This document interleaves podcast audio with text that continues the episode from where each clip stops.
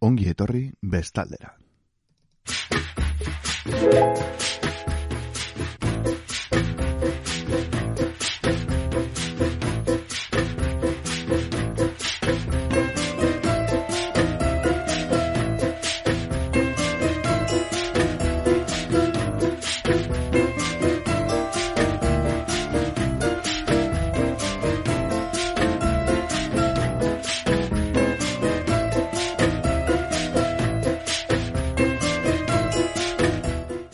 Egun honen zuleok eta igande hon, eh, zer modu zaudete bestalde horretan, opa dizuet, benetan eh, pasara ezazuen eh, aldiketa, itxialdi edo berrogei aldi onena.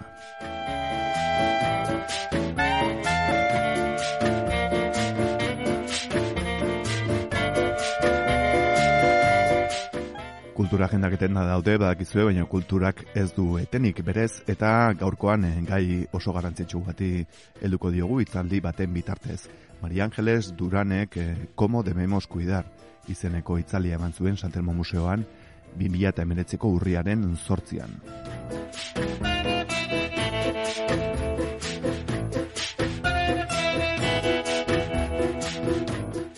feminismoa zain, zaintza, e, norbere zaintza eta zahartzaroa besteak beste horlako gaiak aipatzen ditu.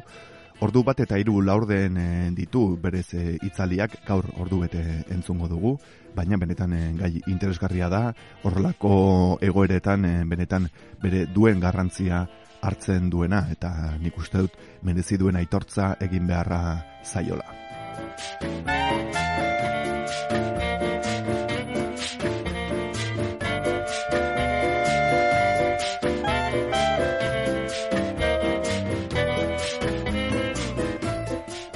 Izan ere aktivitate ekonomikoak eh, geldi arazten ari garen honetan, gelditu ezin den eh, aktivitate ekonomikoa, oinarri oinarrizkoena da hain zuzen ere zaintza, gehien gehienetan emakumeen esku geratzen dena, eta gehien gehienetan bat ere ordaintzen ez dena, ez da aitortzen ere.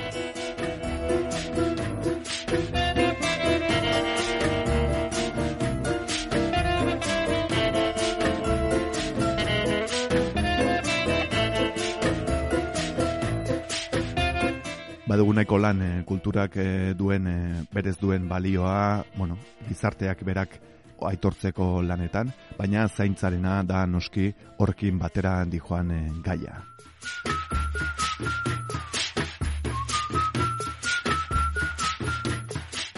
Zaintzari gabe ez dagoelako bizitzarik eta ez dagoelako kulturarik, gaurko hitzaldia da Como debemos cuidar. Maria Ángeles. Ba, guztioi, Ni duinik agerri zabalaga naiz, dotrostiko berdintasunen zinegotzia, eta aldez aurrez nahi duen ongitorri eman etorri zaten guztiai. Eta baita ere eskertu nahi nuen, ba, Santelmo Museo hori, horrelako aztia oitzaldia kantolatu dulako, feminismoan gain. Eta baita ere, basaintzaren talde motorra eh, emakumen etxean dagoen talde horrei. Horrei esker, eh, sortin dalako horrelako hitzaldi bat eta nola ez ba Maria Angeles duran ere ba e, egin dulako bere agendan tartetxo bat gure artean egoteko eta ikuste gauza asko erakusteko bitza reflexionatzeko. Buenas tardes a todas y a todos. Quería en primer lugar eh, agradeceros que estéis esta tarde con nosotros, daros la bienvenida. Y agradecer también al Museo San Telmo por la organización de estas jornadas de feminismo y también al Grupo Motor de la Casa de las Mujeres, que son los que han dado impulso también a esta jornada en concreto. Y además de trabajar todo lo que trabajan durante tantos años, pues también eh, yo creo que es importante el poder visibilizar y traer a personas que nos pueden enseñar. Y como no, pues agradecerle a María Ángeles Durán que haya cedido parte de su tiempo para estar entre todos nosotros y nosotras yo creo que para poder aprender, para poder escuchar y sobre todo para poder seguir para adelante, ¿no? En un tema tan importante como es el de los cuidados, el de los cuidadoras, las cuidadoras y cuidadores y sobre todo para el papel que la mujer ha tenido en la realización de todas estas tareas ya antes y que todavía tiene y esperemos que en el presente hoy en el futuro pueda ser un poquito más compartido también. Y sin más os voy a dejar con Rosa Ugalde, que va a hacer una presentación de ella. Aixo, Arratzaldeon. Bueno, e, nik e, zaintza motor, zaintza talde motorraren e, bueno, e, representantea naiz momentu honetan, beraien ordez hemen nago, eta, bueno, ba, nik egingo dut pixka bat aurkezpena egiten ari garen lanen, lanaren inguruan eta ditugun helburuen inguruan. Bai? E, gaurko konferentzia, como queremos cuidar da zuzen ere. E, gai hau, zaintza talde motorretik bultzatua izan da hain zuzen ere. Zaintza taldea, zaintzaren inguruan lan egiten dugun elkarte desberdinez osatua dago.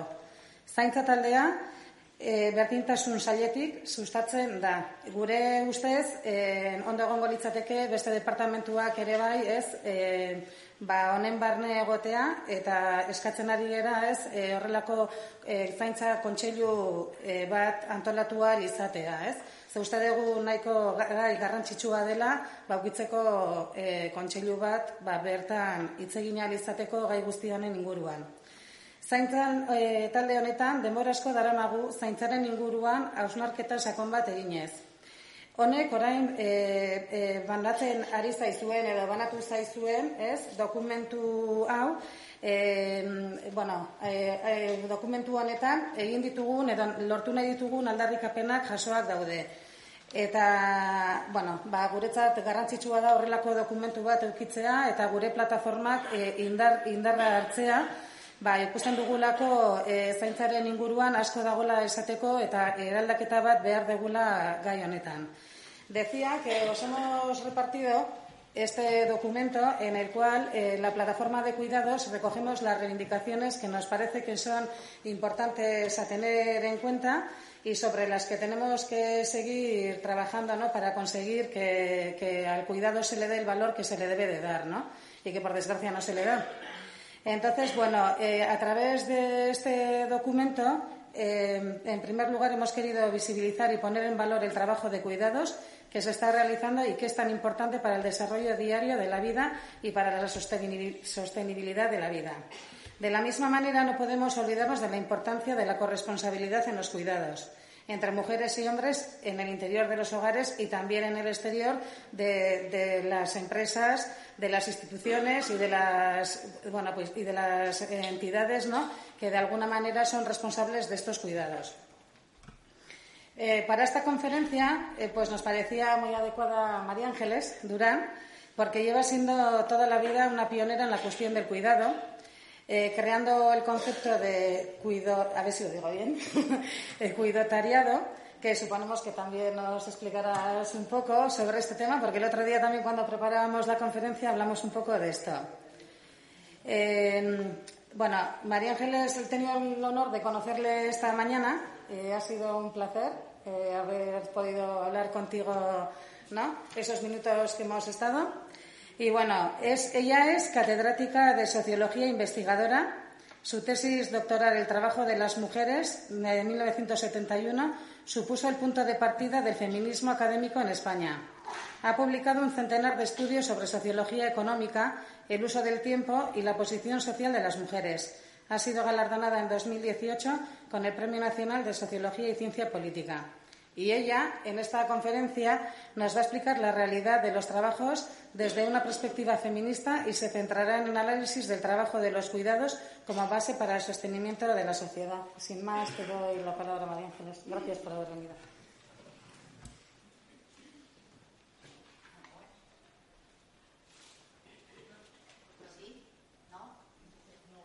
Ahora. Bueno, buenas tardes a todos. Muchas gracias a las tres entidades que se han puesto de acuerdo para invitarme a venir. Y solo tengo que decir que estoy muy a gusto aquí y que si me vuelven a invitar, ¿eh? ya lo digo, lo más probable, salvo que haya un problema grande de agenda, es que vuelva a venir, porque es, esta ciudad siempre me acoge muy bien y llevo tantos años viniendo que, bueno, pues no es que lo sea del todo, pero un poco, un poquito, ya es como si fuera mi casa también, ¿no? Cuando me han propuesto hablar de cómo queremos cuidar, ¿cómo queremos cuidar? Para empezar, tendríamos que ponernos de acuerdo en qué queremos decir cuando decimos cómo queremos cuidar. parece que no hay ninguna dificultad. ¿Nos entendemos perfectamente? Pues no, porque la palabra cuidar es una palabra amplísima, amplísima. Si nos vamos al diccionario de la Real Academia, nos da una definición de cuidado. Pero si nos vamos al diccionario de María Moliner de los usos de la lengua, ya nos da una definición un poco distinta. Y claro, tiene mucha importancia que nos pongamos de acuerdo en de qué estamos hablando. Porque el cuidado puede ser desde una cosa muy restrictiva, por ejemplo, lo que en francés es les soins, que es los cuidados y que es más o menos parecido a lo que podría ser un trabajo de enfermería, por ejemplo, poner un apósito, una inyección, lavar a un enfermo, darle de comer, a lo que dice María Moliner, que es estar pendiente de que a otra persona no le suceda nada malo. Eh, estar pendiente de que a otro no le suceda nada malo, que incluso podría ser autocuidado, pues va desde la mañana a la noche y va de que no comas lo que no te conviene, de que estés abrigado, de que estés limpio, de que no te dejes cosas encendidas que no debieras. En fin, el margen de lo que estamos hablando puede ser amplísimo. ¿Por qué nos tenemos que poner de acuerdo, sobre todo de cara a adoptar políticas públicas? Porque si estamos haciendo leyes o lo que sea, programas, proyectos, organización de actos, y estamos hablando de cuidado en un sentido muy estricto, pues no se parece en nada a si estamos hablando de la definición grande de cuidado. Y no digamos ya si tenemos que hacer una ley o un presupuesto. Si tenemos que hacer un presupuesto para las personas que necesitan que les pongan una inyección, por ejemplo, que no se parece en nada a si tenemos que hacer un presupuesto para todos los que necesitan cuidados de algún tipo. Porque en realidad el primero que necesita cuidados somos cualquiera de nosotros. Y si alguien aquí levanta la mano y me dice, yo ni he necesitado nunca cuidados ni los voy a necesitar, pues le diría, anda, que sí que necesitas cuidados, porque para creerte que ni necesitas, ni necesitas ni vas a necesitar, tienes que estar, pero que muy mal. Así que lo primero es eh, ponernos de acuerdo en qué significa cuidar. Y luego cuando dice el título de la, de la intervención mía de hoy, habla en plural. ¿Cómo queremos cuidar, queremos, no dice como quiero, dice como queremos. Pues hay menudo, menudo nudo para deshacerlo, porque ¿quiénes son esos plurales que dicen queremos? Casi, casi no sé ni contestar diciendo como quiero cuidar o que me cuiden como para saber algo de ponerlo en plural. ¿Quiénes son ese plural que está detrás de cuidar? Aquí hay una representación, supongo, pero ahí fuera hay otra representación. Y no digamos ya los que ni locos se acercarían a un acto como el de hoy, que son los que no quieren cuidar. Entonces, cuando decimos cómo queremos, pues lo primero que se me ocurre es que unos queremos mucho y otros no quieren nada. Y precisamente su interés es no tener que cuidar. Entre quienes pensamos que queremos cuidar y los que piensan que lo que no quieren es cuidar, probablemente tenemos que hacer muchos puentes, porque de lo contrario lo que se hará es cargar toda la demanda de cuidados sobre el grupo que esté dispuesto a hacer oferta de cuidados. Yo vengo de una facultad de económicas, entonces de vez en cuando, no siempre, pero de vez en cuando voy a usar una terminología un poco económica y voy a hablar de la oferta y la demanda. Oferta y demanda de cuidados. Si decimos cuidar, excepto que estemos hablando de autocuidado, que hablaremos, estamos hablando al menos de dos sujetos distintos. El sujeto que demanda cuidados, que en su conjunto es la demanda agregada, y los sujetos que ofrecen cuidados, que en su conjunto es la oferta agregada. ¿Son homogéneas la oferta y la demanda? Que va, son muy, muy heterogéneas. Los demandantes son de muy distintos tipos pero los ofertantes también. No tan diferentes como los demandantes, pero también son muy distintos. Y además, no es que sean distintos aquí y ahora, que lo son. O sea, si hiciéramos una radiografía de esta ciudad, nos saldrían demandantes muy heterogéneos y cuidadores muy heterogéneos. Pero es que no se trata, sobre todo si queremos hacer políticas públicas o también muchas decisiones privadas, no se trata de lo que sucede aquí, ahora, sino que se trata de lo que sucede aquí dentro de 10, 15, 20 años. Porque para hacer planes de cuidados no los podemos hacer de hoy para hoy, sino de hoy para mañana, pasado mañana y dentro de 10 años y dentro de 20 y dentro de 30. Si, por ejemplo, esos cuidados van a tener algo que ver con las cotizaciones, pues podemos estar hablando de que un plan no empieza a ser rentable hasta dentro de 38 años de que se empieza. Que tenemos ahí la prueba muy clara con las pensiones. Yo no digo hoy empiezo a pagar una pensión y mañana que me den la pensión. No, no. Tengo que estar cotizando treinta y tantos años, en la mayor parte de los casos, y probablemente en el futuro 40 años. 40, 45 años para que sea posible que lo que he estado haciendo haya acumulado suficiente capital como para garantizar algún tipo de prestación. Pero es que los cuidados tampoco se resuelven ya aquí. La demanda de aquí se resuelve allí. Y lo que se haga aquí cambia lo que sucede allí. De modo que tenemos que incluir variables de tiempo y variables de espacio.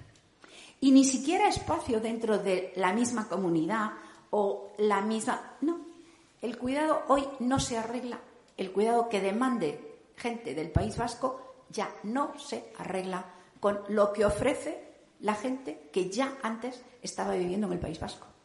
Se, sucede, se arregla en gran parte con lo que hacen personas que están fuera del País Vasco, incluso fuera de España lo que pasa en el País Vasco con relación a la demanda de cuidados hoy está afectando inmediatamente a lo que sucede en Guatemala, en Ecuador, en Venezuela, en eh, Marruecos, en algunos casos incluso en Rumanía. En estos momentos la economía es internacional y todas las cosas que tienen que resolverse aportando recursos económicos se han globalizado, se han internalizado. Es más, cosas aparentemente tan lejanas como las cifras de natalidad en un país latinoamericano, resulta que eso tiene que ver con la posible demanda resuelta de cuidados kilómetros y kilómetros y mar por medio.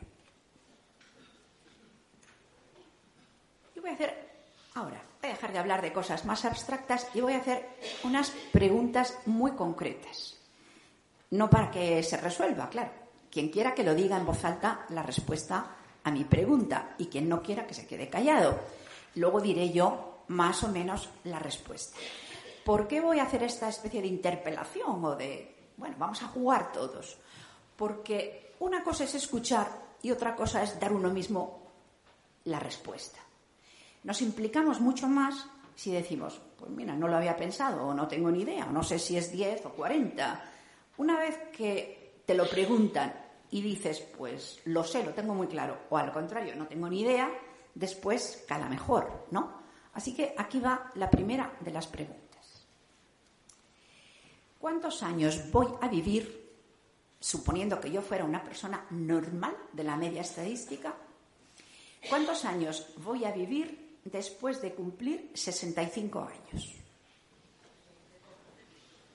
Lo dejo planteado. ¿Cuántos años va a vivir la media de la gente ahora, aquí, cuando ya haya cumplido los 65 años?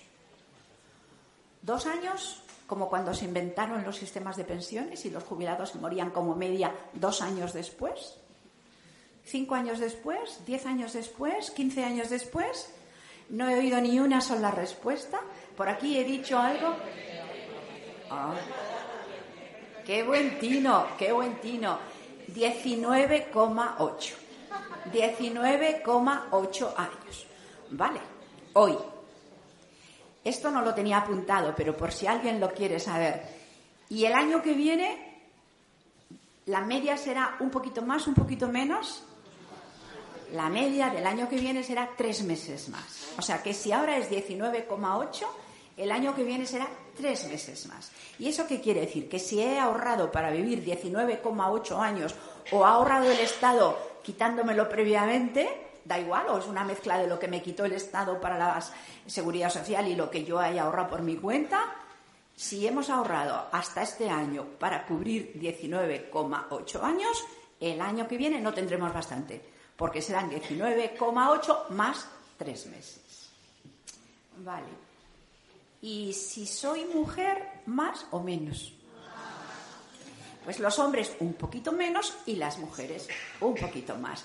¿Eso tiene importancia para diseñar políticas públicas? Totalmente. Porque a la que nos toca cuidar, ¿quiénes vamos a ser? Mujer. Bueno, vale. Segunda pregunta. Segunda pregunta. Después de los 65 años, la salud baja.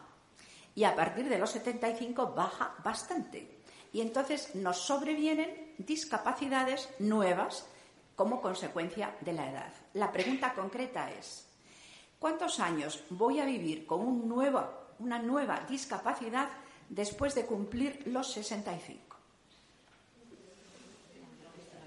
A ver, no oigo ninguna respuesta, esto ya es más complicado. No estoy diciendo esperanza de vida, digo con discapacidad. Porque ya he dicho, entre los 65 y los 75, la salud en general es todavía muy buena. Yo acabo de traspasar esa frontera, o sea que estadísticamente hablando me toca empezar a perder enteros de salud a partir de ahora. Pero hay mucha gente, espero que me toque esa lotería, que ni siquiera con 85 está todavía eh, con mala salud. A ver qué sucede. Dependerá en parte de mí y en parte no. Bueno, por favor, respuesta. No, 19 y medio era en general y ya estoy diciendo que estamos ganando vida todos los años. Lo que pasa es que ganamos años de vida y también ganamos años de enfermedad o años de que tenemos que depender de los demás. Bueno, nadie me dice una cifra concreta, así que se la voy a decir. Por aquí me acaban de dar una cifra muy buena, muy, muy, muy ajustada. La media de hombres y mujeres a partir de esa edad nos espera, nos espera 5,6 años de discapacidad. 5,6. Si hombres y mujeres, ¿quién más? ¿A quién nos esperan más años de discapacidad? ¿A los hombres o a las mujeres? A las mujeres. Si es hombre, vamos a ver, ¿Eso es una suerte o por qué? Si es hombre, solo le esperan como media 3,5 años de discapacidad al final. Pero si es mujer, nos esperan 7,4. Más del doble. ¿Por qué? ¿Por qué y qué consecuencias tiene que ya, estadísticamente hablando, lo normal es que los hombres tres y tantos y las mujeres siete y tantos? Cuatro años de diferencia de discapacidad las mujeres que los hombres. Y nada más estoy hablando de discapacidad física, ¿eh? No estoy, bueno, o mental, pero no estoy hablando de la económica, ni la afectiva, ni nada de eso. ¿Por qué? Es una posibilidad que les cuidamos muy bien o que no nos cuidan suficientemente bien. Bueno, yo mm, eso influye, pero lo que más influye, lo que más influye de todos modos es la carga genética. La carga genética. Los hombres nacen fuertes para desarrollar energía en un momento determinado. Llámese tirar una lanza, dar un bofetón o correr la maratón mucho más rápido que yo. Ahora, dicho esto, nacen al mismo tiempo mucho más débiles. Y la naturaleza, que es bastante sabia, hace que nazcan más o menos, depende del año, del país y de todo eso, pero nacen del, del orden de un exceso de un 5% de hombres sobre mujeres. O sea, si nacen 100 mujeres, lo normal en casi todos los países es que nazcan 105 hombres. ¿Por qué la naturaleza pone a nacer a 105 hombres cuando podrían nacer 100, 100? ¿No? ¿Por qué son 105? Pues porque la naturaleza ya ha calculado, ha calculado que se le van a morir más hombres que mujeres, sobre todo en los primeros años de vida. Y en España en concreto, al llegar a los 40, los hombres ya han perdido el 5% de sus activos. Y a partir de ahí mueren más que las mujeres, con lo que no tienen tiempo de llegar a una edad tan avanzada como nosotras. Y porque no llegan a una edad tan avanzada, entonces ellos tienen menos discapacidad y nosotras tenemos más. O sea, es una discapacidad que va muy asociada con la longevidad. Somos más longevas, tendremos que prever, tendremos que prever que vamos a tener más años de discapacidad y de dependencia al final de la vida. Eh, ¿Otra pregunta? Vale. ¿Tendré pensión de jubilación?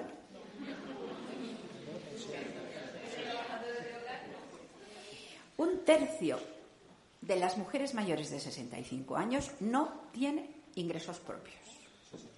De las que los tienen, hay un 30% menos la cuantía de la pensión de la jubilación de las mujeres que la de los hombres. Un tercio menos. Eso quiere decir que si necesitamos que nos cuiden, solamente por el ingreso propio, claro, de todos modos hay muchísima gente que viven en pareja y entonces los ingresos son los ingresos del hogar, no los ingresos personales. Pero en cualquier caso, los ingresos personales por pensión de jubilación de las mujeres son un tercio más bajos que los de los hombres. ¿Por qué? Porque las mujeres regalamos nuestro tiempo y los hombres lo venden.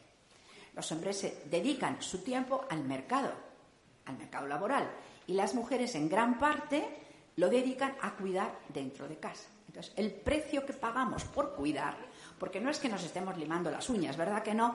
A que no es porque estamos delante del espejo, porque estamos todo el día en la discoteca. No, no, no, no es por eso, es porque estamos cuidando. Entonces, el precio que pagamos por cuidar, básicamente por cuidar en casa a los de casa, hace que al final de nuestra vida nuestros ingresos sean un tercio por debajo de la media de los hombres y que además un tercio de las mujeres no tengan ningún ingreso propio. Lo que significa que si te llevas bien, pues no hay problema, tú tienes dinero, yo tengo otras cosas, no hay problema, pero si te llevas mal, si hay problemas, entonces sí es un problema muy grave no haber acumulado ese seguro para el final de la vida, que es la pensión propia. Ya he preguntado si tendremos pensión, pero ahora voy a preguntar, ¿podremos vivir con la pensión? Pues podremos vivir con la pensión siempre y cuando no necesitemos que nos cuiden. Porque si necesitamos que nos cuiden, con una pensión entonces, o nos regalan la pensión, o nos dan servicios, quiero decir, no, no la pensión, o nos regalan el cuidado, o no nos cuidan, o sea, no nos cuidamos suficiente, o nos dan muchos servicios públicos. O sea, otros pagan por nosotros para que después nos den servicios públicos suficientes. Ahora, imaginemos algo muy corriente, muy, muy normalito. Vamos a suponer, me puedo poner yo misma, pero mejor no, cualquiera de los y las que están en la.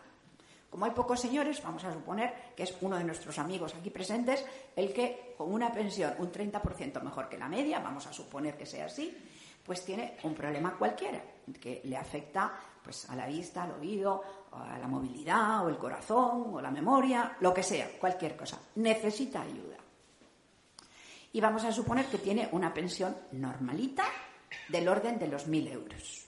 mil y un poco está la media en estos momentos. Vamos a suponer que con mil y pico euros empieza a necesitar cuidados y que necesita que alguien vaya a su casa porque él no puede salir a cuidarle. Y la primera tarde que va la primera persona a cuidarle le cobra a precio de mercado. ¿A cuánto le va a cobrar la hora? Aquí en Donostia, ¿a cuánto? 15, 16, bueno, si estamos en Madrid pueden ser 10 o 12 y si estamos en Sevilla puede que sean incluso 6 por debajo de, salario mínimo o incluso 5. 5, 6, 7, 8, 10, igual. Lo mismo, porque probablemente el que está en Donosti está cobrando mejor pensión que el que está en Sevilla o el que está en Madrid, de modo que ser casi casi lo uno por lo otro. El caso es que ni aquí, ni allí, ni allá, si necesitan mucho cuidado, van a poder pagarlo con su pensión. ¿Qué es lo que sucede entonces? Que pedirá que le den servicios públicos. Y los servicios públicos dirán, ¿tengo dinero o no tengo dinero? Y si tengo dinero, dirán, tengo dinero, pero lo tengo comprometido para esto y lo otro y lo otro. ¿A quién le quito el dinero? En resumen, en resumen, con nuestra pensión solo podremos vivir si no necesitamos cuidados. O sea, si los cuidados o nos los regalan porque sí, o nos los regalan por servicios públicos porque el, mercado evidentemente no nos lo va a regalar. Entonces, ¿qué podemos hacer? Hasta ahora, ¿cómo lo hemos resuelto? Pues lo hemos resuelto básicamente con las hijas y las esposas y también los esposos y también los hijos, pero en menor proporción. O sea, el grueso ha sido madres, hijas, esposas, hermanas, las mujeres de la familia. Ahora, ¿qué pasó con la familia? Pues que la familia tradicional, que más o menos cubría la demanda de cuidados, ahora se ha quedado sin oferta. ¿Y por qué se ha quedado sin oferta? Primera causa de todas. Imaginemos eh, cómo era la demografía hace 100 años. Era así, como un triángulo, ¿no? Eso significaba que por cada uno que llegaba muy mayor, debajo tenía varias hijas y hijos y un montón de nietos y nietas, o de sobrinos y de sobrinas, etcétera. Ahora pensemos cómo es la demografía actual. La demografía actual es que se ha invertido y en lugar de tener un triángulo apoyado en la base, casi casi en muchos sitios lo que tiene es una torre o incluso al revés, lo que yo digo un champiñón. O sea, arriba mucha gente mayor y luego una base muy pequeñita que lo tiene que sostener. Además, lo que sucede no solo es que no haya repuesto de la generación siguiente, es que hemos entrado en una grandísima movilidad territorial. Eh, yo no sé cuántos de los que están aquí tienen los hijos viviendo en el mismo sitio que ellos viven.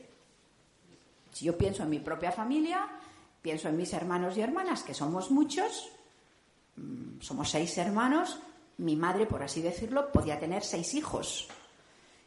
Yo todavía tengo muchos, porque tengo tres, pero es que ya no viven donde yo vivo.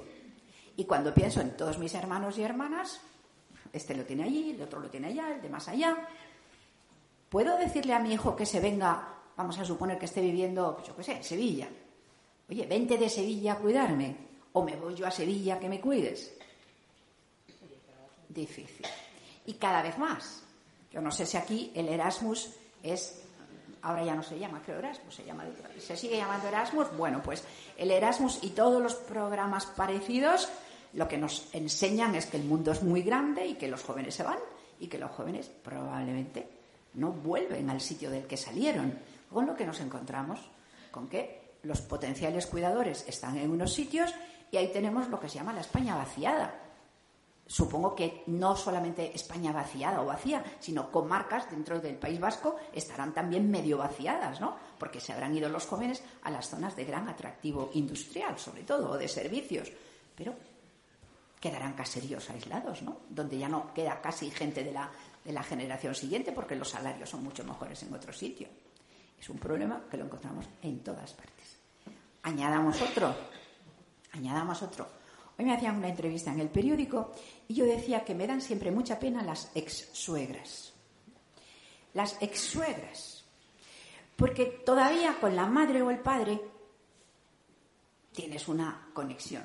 Pero hoy la pobre ex-suegra que se llevase bien con la ex-nuera y con el ex-yerno y tarifan entre ellos el hijo o la hija con su cónyuge y resulta que sin comerlo ni beberlo la pobre ex suegra de la noche a la mañana se encuentra con que no tiene conexión con la generación siguiente y ahí te quedas. Porque claro, a mi madre o a mi padre a lo mejor lo voy a seguir cuidando, pero a la madre o el padre del ex, ¿por qué le voy a seguir cuidando si ya no es nada mío? Y pasa con las excuñadas, que a veces se llevaban muy bien entre ellas y, por qué voy a tener yo obligación moral ni de ningún tipo de cuidar a mi ex cuñada o a mi ex sobrina o a mi ex abuela? ¿Qué cantidad de ex se quedan al final de la vida con que expectativas que tenían de que le cuidara a la generación más joven, de repente en un rifirrafe se acabó, se quedan sin ellos. Bueno, y vamos a ver, la gente corriente, no hablo de los muy ricos, tampoco estoy hablando de los súper pobres, la media. digo, bueno, pues como tengo una vivienda en propiedad, con eso podré pagar mis cuidados. ¿Podemos pagar nuestros cuidados con la vivienda en propiedad que tengamos? No todo el mundo la tiene, pero la mayoría sí. Los que llegan a los 65, el 80 y tantos por ciento tiene vivienda propia. ¿Puedo pagarlo con la vivienda? Uy, uy. A ver, vamos a ver. La el valor medio, según datos del Banco de España, el valor medio de las viviendas de los jubilados es 126.000 euros. No está mal. Y el ochenta y tantos por ciento lo tiene. Desde luego Hacienda ya está pendiente de que si hay que pagar cuidados habrá que estar mirando a ver quién tiene vivienda para que de alguna manera lo anticipe la venta o lo que sea. Pero, ¿qué pasa si yo mañana quiero vender mi vivienda? ¿Hacienda se queda calladita y no mete mano? No. Si yo la vendo en 126.000, eso es el precio medio de mercado, pero inmediatamente tengo que pagar muchos impuestos. Ahora, después que pague los impuestos, vamos a suponer que yo necesito una residencia. ¿Cuánto cuesta en Euskadi una residencia normal, barata, nada de grandes lujos? 3.000. La media de España creo que está en 1.900. Claro, sitios donde el mercado de trabajo paga mejores salarios, pues cualquier residencia sale más cara, porque hay que pagar a los trabajadores más caro. Hay sitios donde puede ser más barato, porque los salarios medios son más bajos. Ahora, de 1.900 no baja la media si no son subvencionadas. Entonces, vamos a ver los cálculos. Si valía 126.000. Hacienda me ha pegado un pellizco que se me ha quedado y además he tenido que pagar al notario, en fin, la, compañía que me ha hecho la venta, lo que sea, por redondear. Vamos a suponer que los 126 ya se nos han quedado en 100. Y con 100 empiezo a pagar la residencia. Vale, empiezo a pagar la residencia y si son 3.000 y tengo 100.000, ¿para cuántos años para cuántos meses me da? Pues 33 por 3, más o menos, 99, me daría para 33 mensualidades. Una mensualidad cada año son 12, entonces 33, ¿para cuántos años me daría? Para dos y pico años. Ah, qué guapo. Pero es que tu casa no es solo tuya, es que sois dos en la mayor parte de los casos. Si me gasto la residencia en el primero que la necesita, ¿qué pasa con el segundo? Y el primero que la necesita, ¿quién suele ser? El hombre, pues entonces, si me llevo a mi hombre a la residencia y está más de dos años y medio, cuando tenga yo que ir a la residencia, no queda nada. No queda nada. Entonces no le llevo a la residencia y le cuido yo y me ahorro la residencia. Pero entre tanto, hay otro tema nuevo, que no solamente es la familia, los divorcios, tal cual, sino que tradicionalmente teníamos en casa a las hijas o a las esposas que simplemente cuando alguien en la familia aumentaba la demanda, ellas aumentaban la intensidad de la oferta. ¿Queda claro lo que digo? O sea, si antes tenías que trabajar ocho horas, o diez, o doce, cuando tienes a alguien en casa con el Alzheimer o con lo que sea, en lugar de trabajar las ocho o las diez, trabajas las catorce, las quince, las dieciocho. Ahora, ¿qué sucede cuando las mujeres empezamos a incorporarnos al mercado de trabajo de un modo masivo? Te dicen, pues que te damos una excedencia. Ah, si me dan una excedencia, no llego a fin de mes. Y si me dicen que me dan una excedencia, ¿quién me garantiza de verdad que vuelva cuando no sé cuánto voy a tardar en volver? ¿Conocen alguna empresa que esté guardándote el sitio durante el tiempo que ha durado el Alzheimer en que has cuidado muy intensivamente a tu madre? Que pueden ser dos años, pero pueden ser cinco, pueden ser siete, pueden ser catorce. ¿Te están guardando el puesto? En algún caso sí. ¿Y en una empresa privada? Pues hay que darle un certificado de especialidad y de excelencia a esa empresa porque sencillamente no es lo habitual. O los trabajadores que lo negocian. Bien dicho, bien dicho. Pero creo que estaremos de acuerdo en que no es lo habitual. Lo habitual es que te enseñan la puerta al cabo de un poquito de tiempo y te dicen, mira, realmente tu puesto era clave, no podemos seguir, no sé qué, hemos sustituido a tal persona, bla, bla, bla, bla, bla, y más o menos. Uy, estoy pintando, estoy pintándolo estupendo, ¿eh? De un optimismo, de un optimismo bárbaro. Bueno, entonces si lo negociamos y conseguimos, por ejemplo, algo que en su momento pareció, bueno, yo Personalmente, lo he dicho y lo sigo diciendo, la ley más importante desde que llegó la democracia a España ha sido la ley de dependencia. Así me parece, la más políticamente decalado. ¿Por qué? Porque es una ley que trastoca la idea de lo público con lo privado. Es la primera vez que se dice, si tu madre está enferma de dependencia larga, importante, no es solo tu problema, es problema de todos nosotros. El cuidado no es un asunto individual de una familia, es un asunto de un país, de una sociedad entera. Eso es lo que dijo la ley de dependencia. Y parecía que iba a ser realmente una revolución, un cambio muy importante. ¿Qué pasó? Pues que la ley decía que el cuidado por la familia ¿eh? será únicamente en los casos especiales y que lo general va a ser un cuidado especializado por profesionales. ¿Qué ha sucedido? Pues lo que ha sucedido en casi todas partes, a lo mejor me decís, mira, en mi pueblo no ha pasado eso. Pues enhorabuena. Pero en casi todas partes lo que ha sucedido es que cuando han echado cuentas, se ha producido además en parte una pinza entre eh, ofertantes de servicios y demandantes de servicios. ¿Qué es lo que quiero decir? Voy a poner un caso que está un poco alejado. Por ejemplo, los que tienen problemas de eh, riñón que tienen que hacerles diálisis, ¿no?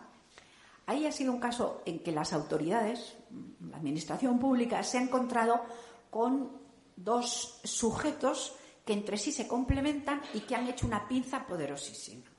Los enfermos de diálisis son un tipo de enfermos que son pudiéramos decirles, sanos en todo lo demás. Y que son jóvenes, que son fuertes, que son activos.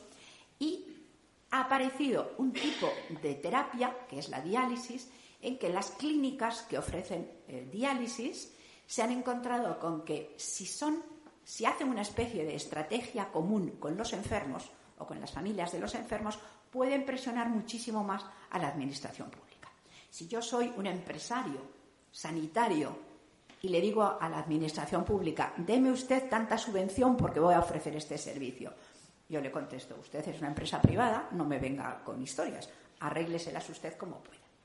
Si van los enfermos por su cuenta nada más, sin tener una solución, y la administración pública dice, oh, ahora voy a tener que montar eh, hospitales, clínicas, todos especializados en diálisis, qué lío, además a ver si puedo fragmentarlos un poco y no sé qué, y entonces ya un poco quito fuelle al movimiento asociativo de los enfermos de riñón. Ya, pero es que no ha sucedido nada de eso. Lo que ha sucedido es que los enfermos se han organizado muy bien y además se han eh, combinado estratégicamente con los ofertantes de servicios, que son las clínicas o las empresas privadas que ofrecen el tratamiento de diálisis. Por separado, cualquiera de ellos hubiera sido poco fuerte. Juntos se han convertido en un, en un, en un digamos, eh, grupo de presión muy bien organizado y muy fuerte. ¿Todos los grupos de enfermos pueden hacer lo mismo? ¿Todos pueden hacer una estrategia común con el ofertante de servicios? No. Hay grupos que lo tienen muchísimo más difícil que otros. ¿Quiénes son quienes lo tienen más difícil de todos? Sin comparación, los enfermos mentales. Los enfermos mentales son eh, los enfermos sobre los que recae una Mm, como dije, un, desvalor social más grande. Por su propia enfermedad tienen muchas más dificultades para conectarse, para hacer grupos, para tener eh, asociaciones estables, fuertes, bien llevadas organizativamente. Hay mucha más tendencia en las familias a disimular, a negar la enfermedad por miedo al San Benito, por miedo al estigma. No tienen tampoco como lo tienen los de diálisis, una máquina. Si los enfermos mentales pudieran decir, aquí tengo la máquina o aquí tengo la píldora, deme, le dicen al, Estado o a, la, comunidad o al ayuntamiento o a quien sea, deme cuatro píldoras semanales o diarias o deme dos horas de enchufe a esta máquina. Pero los enfermos mentales no lo tienen. Es muchísimo más difuso, es un tratamiento que puede aliviarse con máquinas o con o con eh, píldoras, pero sobre todo requiere una terapia personal, de conversación, horas y horas de terapia. Es un comportamiento, el del enfermo, más impredictible, produce mucha más tensión social. En definitiva, el arco va desde la demanda de cuidados por colectivos que tienen muchísimas dificultades para organizarse y para ser eficaces en sus demandas, hasta colectivos que lo tienen bastante más fácil organizarse y ofrecer soluciones a sus problemas. Eso hace que cuando hablamos de cómo queremos cuidar, tengamos que pensar, bien, quiénes somos nosotros, pero también quiénes son ellos, quiénes son los que necesitan cuidados Y son muy heterogéneos. Y lo que sirve para un tipo de cuidados no sirve para otro tipo de cuidados. Un tipo de propuesta de organización, un presupuesto, no se parece en nada lo que puede ser sumamente útil en un caso y lo que es casi irrelevante en otro caso distinto.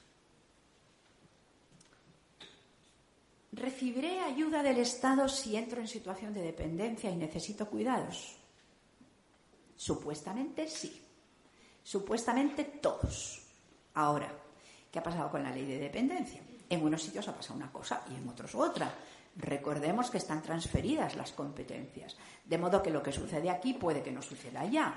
Incluso a nivel local puede que yo, yo conozco, por ejemplo, un pueblo que está a 20 kilómetros del de al lado, en el pueblo que yo conozco más, se ofrecen un montón de servicios que en el pueblo de al lado, con la misma administración pública, no se ofrecen, porque se han movido los alcaldes, porque ha habido grupos de base que han promovido medidas que han resultado eficaces, porque el ayuntamiento ha decidido dedicar una porción más grande de sus recursos. Entonces, con, diferencias de 20 kilómetros y con la misma, digamos, base de partida legal e incluso política, pues en un sitio están ofertando un tipo distinto de, soluciones, mucho más eficaz, y en el de al lado no lo están haciendo.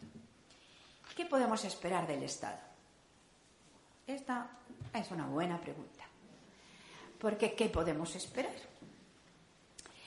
Para empezar, en cierto modo, el Estado no existe. Quiero decir que no es como si yo le dijera a un manzano, dame manzanas. Yo veo cuántas manzanas da así de promedio cada año la cosecha y digo, pues bueno, no sé, si este manzano da 200 manzanas, pues yo puedo pedirle que a mí me dé 20. Ya, pero es que no es así.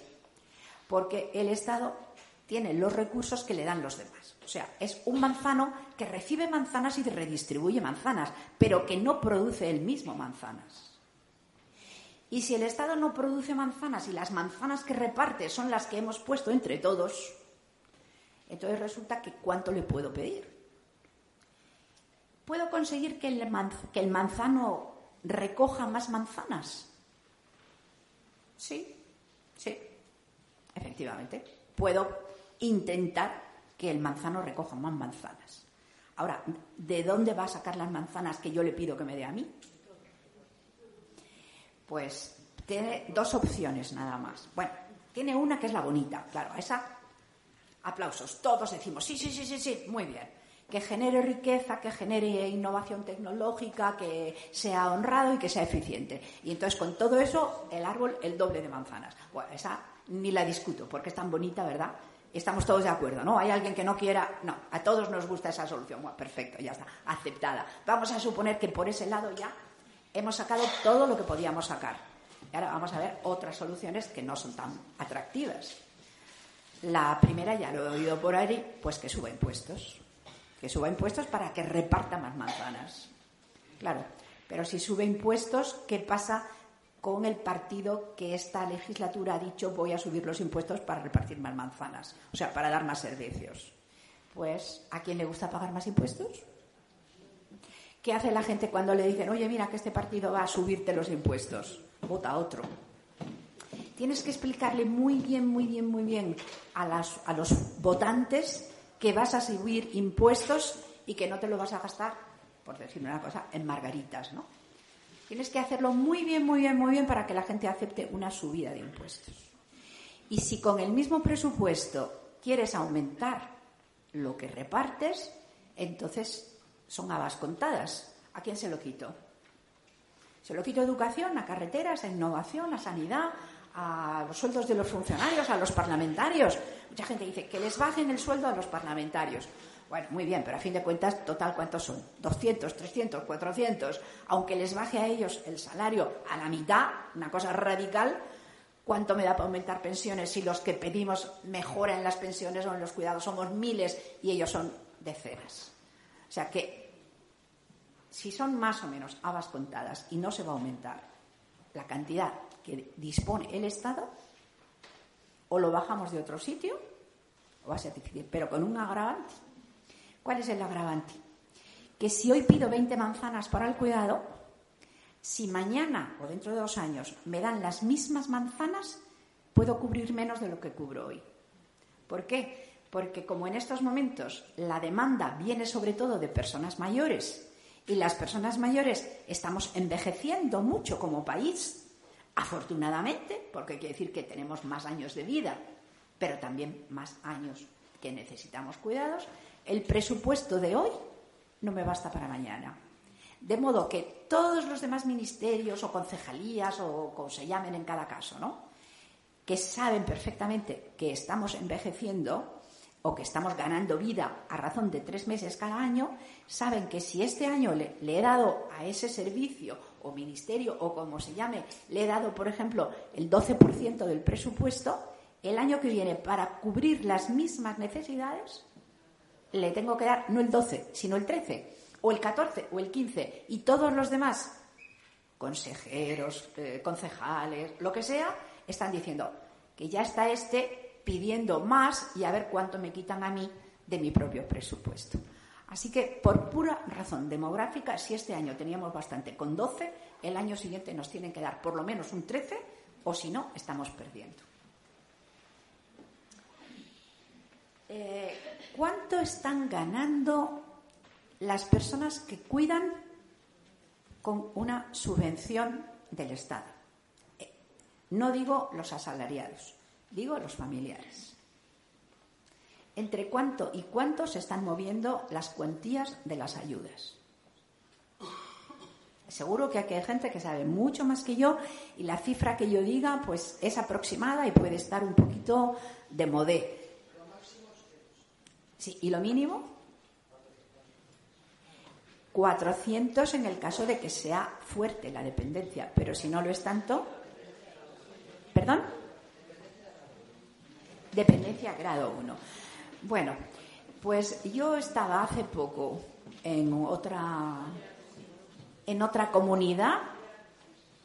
Estaba. Eh, mira, es que aquí tengo una cifra de que algún tipo de ayudas, no quiero decir que sean la media, algún tipo de ayudas están siendo de 153 en qué casos, bueno, todo depende, claro, familiar, todo depende de la gravedad, del tipo de dependencia que tenga reconocido el dependiente, etcétera. Pero 153 te da para unos cuantos cafés y poco más, ¿no? ¿Qué se puede comprar con 153? Pero en el supuesto de que sea, que aquí la cifra que yo tengo es 833 para vinculado a un servicio y con dependencia grave, pues aún así, ¿qué se puede hacer con 833 si tienes una dependencia grave. Pues tienes que... Entonces, las soluciones que de verdad estamos haciendo, ¿cuáles son? La primera, lo que yo llamo el cuidatoriado, que son básicamente las mujeres de la familia que prescinden de los derechos de cualquier trabajador asalariado, entonces tienen jornadas más largas, mientras ha durado la crisis han perdido incluso la cotización que se les hacía gratuita a la seguridad social, lo han perdido, ahora están empezando a recuperarla, pero claro, si te tiras un montón de años sin cotizar, cuando a ti te toque al final de tu vida, es que no has cotizado. Vas a depender de que sea graciable que te den o no te den una, una pequeña ayuda. Y si son 833 y está la hora a 15, pues ¿cuánto puedo comprar con 833? Pues se acaba la primera semana del mes y ya no queda nada más. Suponiendo que sea gratis la electricidad y la casa y que no comas más que un yogur, un yogur caducado para que sea más barato, vaya. No, no, no, no, sale, no salen las cuentas.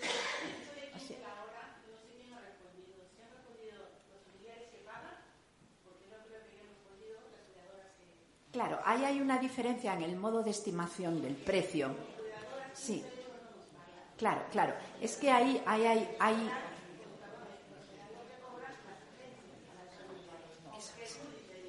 Claro, es claro, hay que, hay que está bien esa precisión, porque el precio del cuidado se mide de muchas maneras, de muchas maneras, pero sobre todo hay dos.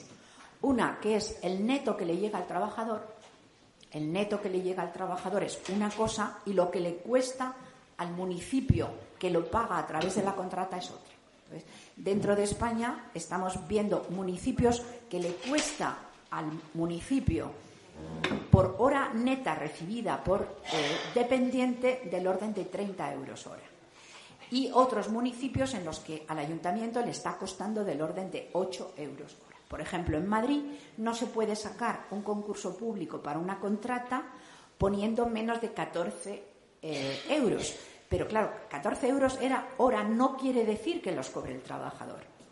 Porque además el trabajador tiene que hacer eh, distancias. Tiene que ir hoy a esta casa, mañana a la otra. Entonces, el enfermo recibe el tiempo neto que le están cuidando, pero el enfermo no recibe el tiempo que el trabajador pasa yendo de aquí para allá y de allá para acá, que alguien lo tiene que compensar. O lo pierde el trabajador y entonces vamos a suponer que se pasa la mitad del día en el autobús, entonces aunque le paguen 12 horas, en realidad, eh, quiero decir, aunque le haya costado 12 horas, ha estado trabajando 6 y le han pagado 6 y las otras las pierde. Bueno, que si decimos, bueno, sí, he salido a tanto, sí, pero es que a mí me han pagado la mitad. Entonces, una cosa es lo que le llega al trabajador y otra cosa es lo que le cuesta al ayuntamiento o lo que le cuesta a la familia o lo que cobra la agencia. ¿no? Son precios muy, muy diferentes y si hilamos fino, pues tenemos que estar precisando. Para esto uso este concepto, para esto empleo este otro concepto. Ahí, ya que ha venido el, al hilo, aparece un tema muy importante, que es el trabajo en negro y el trabajo no negro. Si a un trabajador del cuidado le dicen, ¿Tú qué prefieres? ¿Cobrar en neto o, en bruto?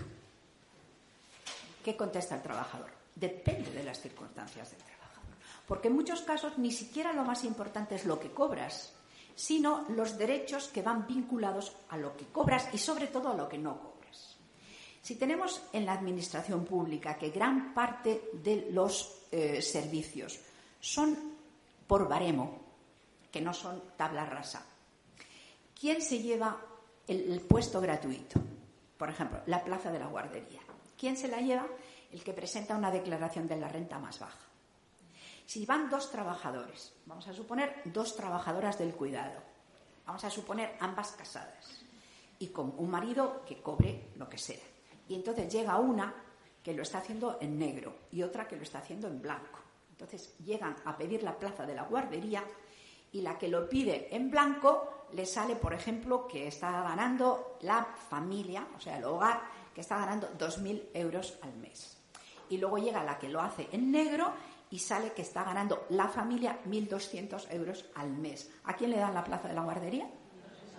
A la que lo ha hecho en negro. Entonces, hay una proporción importante de trabajadoras del cuidado que dice, no, porque la seguridad social no me añade gran cosa, porque lo más importante que es el cuidado durante la enfermedad, estoy cubierta familiarmente. Entonces, si mi empleador me dice lo que te pago en seguridad social, te lo descuento en el total, porque yo puedo pagar hasta aquí, pero no más. Si cobras de seguridad social, entonces no te lo pago del otro. Pero si no quieres cobrar la seguridad social y prefieres no cobrar, entonces eso te lo puedo dar en negro. ¿Qué ha pasado desde que ha empezado con el convenio de la OIT que pide que se trate a los trabajadores del hogar exactamente igual que a los demás, aunque da un plazo de aclimatación? ¿Saben lo que ha pasado, no? Pues lo que ha pasado es que se ha destruido una gran cantidad de empleo. ¿Dónde ha pasado ese empleo? En unos casos ha desaparecido directamente, porque los empleadores que son familias, parejas jóvenes con niños o personas muy mayores, han dicho, pues hasta aquí yo es que no puedo pagar más. ¿Me dicen que te lo mereces? Claro que te lo mereces. No niego que te lo merezcas, que te mereces la seguridad social, que te mereces la antigüedad, el paro, que te lo mereces todo. Pero yo tengo la pensión que tengo y más no puedo pagar. Así que o lo coges o lo dejas. Y entonces, parte de las familias, una buena parte, simplemente han prescindido del trabajador que les ayudaba para cuidar. Y otra parte de las familias lo que han hecho ha sido, y en muchos casos a demanda del propio trabajador, ha sido, no, no, a mí, la ley que diga lo que quiera. A mí me interesa más seguir en negro. Porque la guardería de los hijos, si la tengo que pagar, son 400 euros. Y tengo dos. Dos guarderías gratis son 800 euros. Por mucho que usted me pague más, si voy a perder los 800 euros porque no me van a dar a mí la plaza, que ahora me la están dando porque cobro en negro, entonces no me interesa para nada. Así que a mí o en negro y sin seguridad social o no sigo trabajando con usted. Entonces, yo no estoy hablando de casos particulares, estoy hablando de algo tan así, tan, tan neutral como ir a los datos de la encuesta de población activa. Y ver qué ha pasado desde que ha empezado a decirse que se va a aplicar a los trabajadores del hogar exactamente en las mismas condiciones que a los demás trabajadores. Pues que se ha destruido una cuarta parte del empleo, que en parte se ha destruido del todo y en parte no se ha destruido, pero ha desaparecido porque se ha sumergido. Si yo fuera, por ejemplo, dirigente sindical, diría, ya, pero es que hay muchos que han mejorado mucho porque eran trabajadores que no tenían derechos de esto, que estaban y ahora tienen un contrato visible y han mejorado mucho. Pues es verdad, es verdad. Hay una parte de los trabajadores del cuidado, empleados de hogar sobre todo, que han mejorado mucho gracias a la perspectiva de convertirse en un trabajador igual que otro cualquiera, con los mismos derechos y las mismas obligaciones. Sí, es cierto. Pero cuando la oferta de trabajo es una oferta restringida y precisamente los mayores demandantes de cuidados son personas que tienen rentas muy bajas, ¿quién ha podido asumir la subida de los asalariados? Los hogares con renta.